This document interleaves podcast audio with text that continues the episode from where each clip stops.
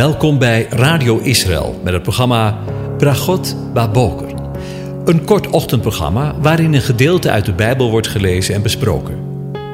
Met Bragot Baboker wensen onze luisteraars zegeningen in de ochtend. Presentator is Kees van de Vlist.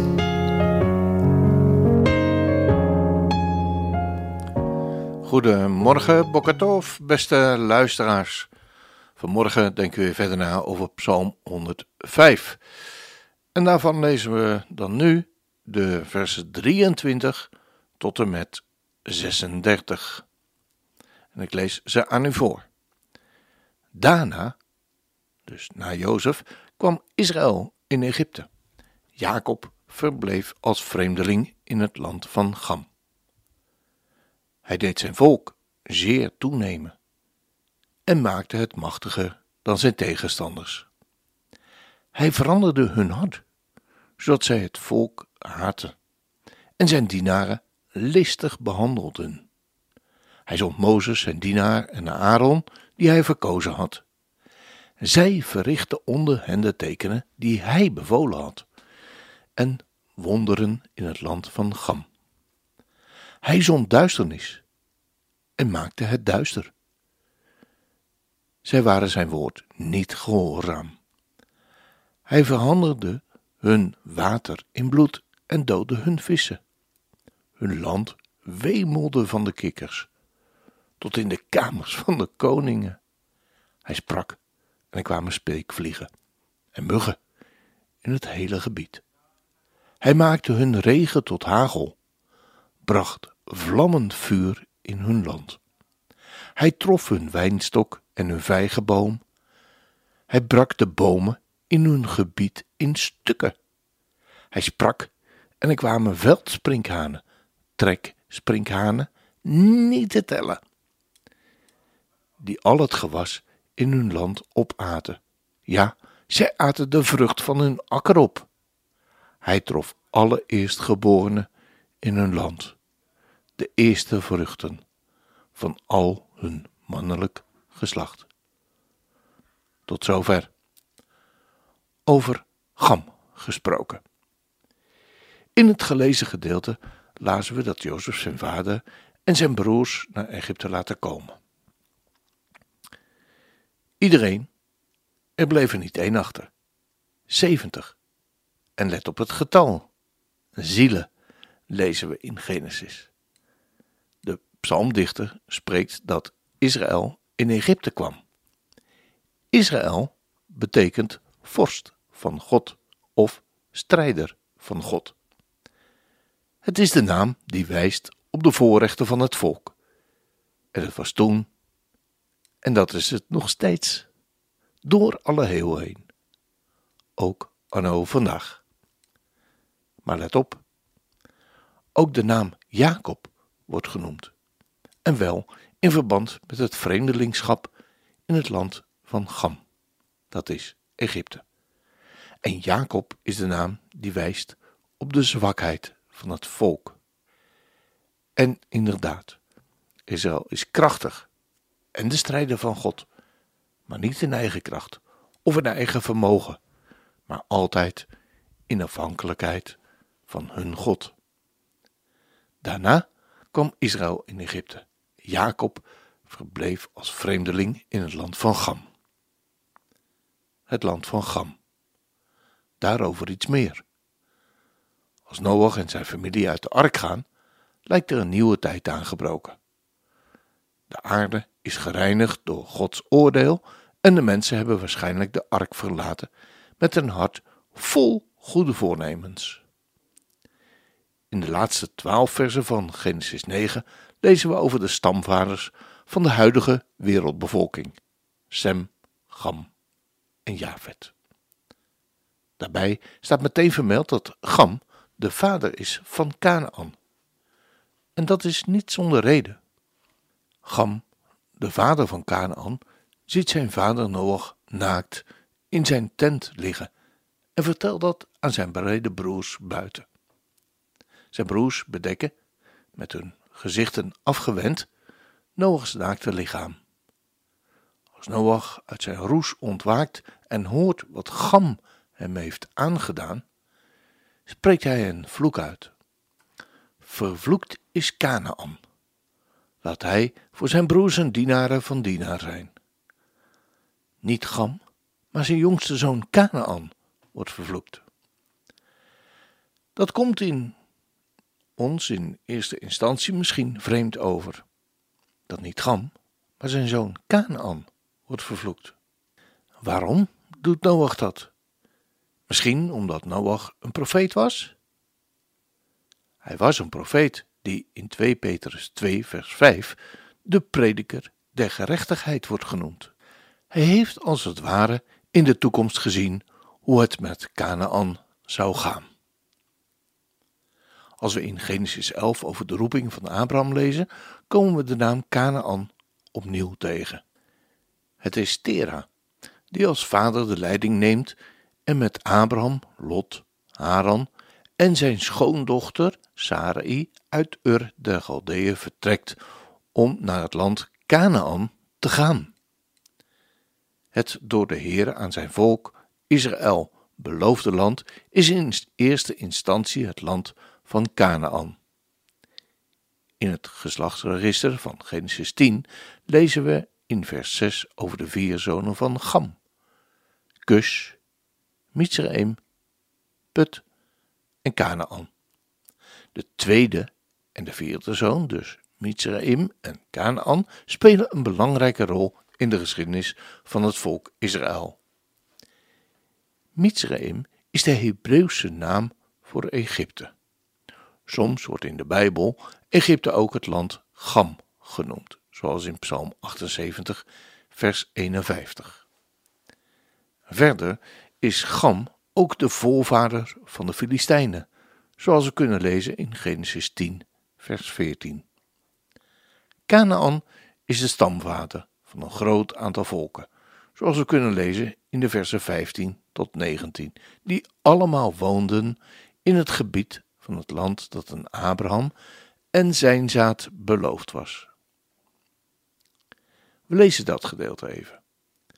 Canaan verwekte Sidon, zijn eerstgeborene, het en de Jebusiet, de Amoriet, de Girgaziet, de Heviet, de Arkiet, de Siniet, de Arvadiet, de Zemariet, de Hematiet. Daarna zijn de geslachten van de Canaanieten verspreid. En de grens van de Canaanieten reikte van Sidon in de richting van Gerar tot aan Gaza, in de richting van Sodom, Gomorra, Adama en Zeboim tot aan Laza. Dit waren de zonen van Gam, ingedeeld naar hun geslachten en naar hun talen, met hun landen en hun volken als het volk Israël door de Heere uit Egypte is geleid, ontvangen zij naast de tien woorden wetten voor hun welzijn en om te benadrukken dat zij anders zijn dan de andere volken om hen heen. Ze zijn het volk van de Heere, van JHWH. In, in Leviticus 18 lezen we dat ze de gebruiken van het land, Egypte en Canaan, niet mogen navolgen.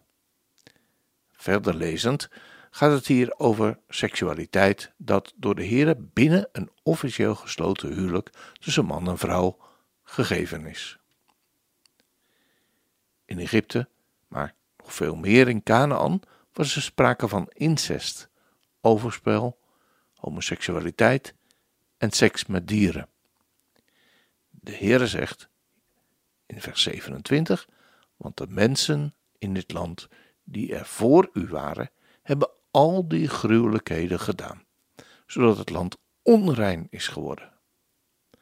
Daarom ligt Canaan onder de vloek en wordt Canaan in de geschiedenis met de Gibeonieten letterlijk een dienaar van Sem. We lezen dat in Jozua 9 en in Genesis 9, vers 26. De laatste keer dat we in de Bijbel de naam Canaan tegenkomen, is in de geschiedenis met de Canaanese vrouw. zoals we die vinden in onder andere Matthäus 15, vers 21 tot 28. En ik lees dat. En Jezus ging vandaar weg en vertrok naar het gebied van Tyrus en Sidon. Een gebied wat niet echt goed bekend stond, zeg ik dan maar. En zie, een Canaanese vrouw, die uit dat gebied kwam, riep naar hem: Heere, zoon van David, ontferm u over mij. Mijn dochter is ernstig door een demon bezeten. Maar hij antwoordde haar niet, met geen woord. En zijn discipelen kwamen naar hem toe en vroegen hem: Stuur haar weg, ze roepen ons na. Hij antwoordde en zei: Ik ben alleen maar gezonden naar de verloren schapen van het huis van Israël. Maar zij, de vrouw, kwam dichterbij, knielde voor hem, voor Yeshua neer en zei: Heere, help mij. Hij antwoordde echter en zei: Het is niet behoorlijk het brood van de kinderen te nemen en daarna de hondjes te, te werpen. En ze zei: Ja, heren, maar de hondjes eten ook van de kruimels die er vallen van de tafel van de bezitter. Toen antwoordde Jezus en zei tegen haar: O vrouw, groot is je geloof. Het zal gebeuren zoals je wil. En haar dochter was vanaf dat moment gezond. Wat een wonder van genade. Ook voor het nageslacht van Gam.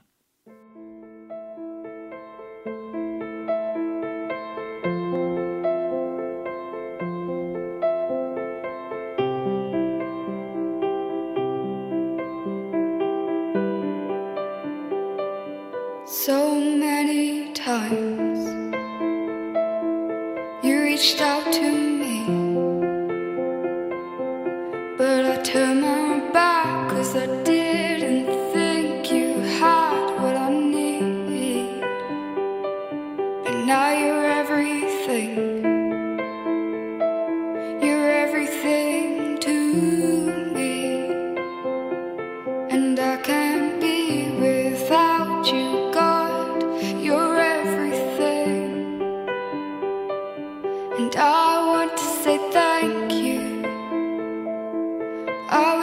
lost and you found me. I was dead inside and you breathed into me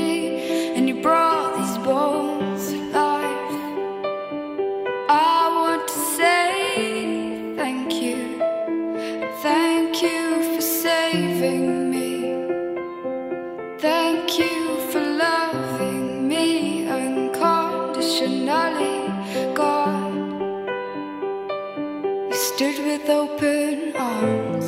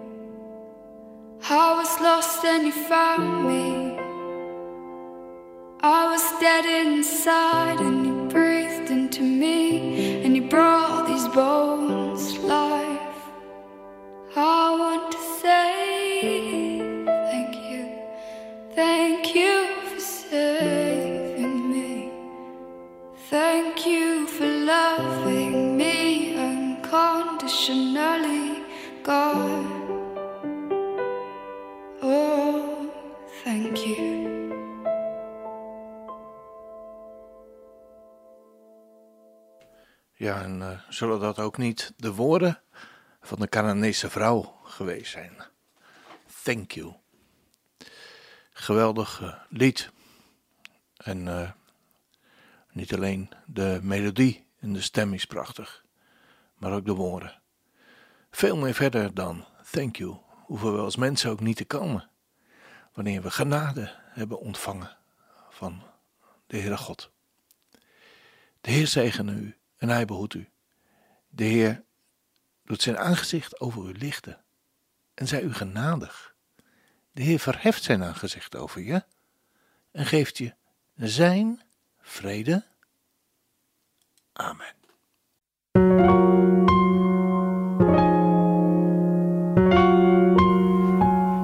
U hebt geluisterd naar het programma Bragot Baboker. Een kort ochtendprogramma waarin een gedeelte uit de Bijbel wordt gelezen en besproken. Wilt u het programma nog eens naluisteren, dan kan dat. Ga naar radioisrael.nl en klik onder het kopje radio op Uitzending gemist.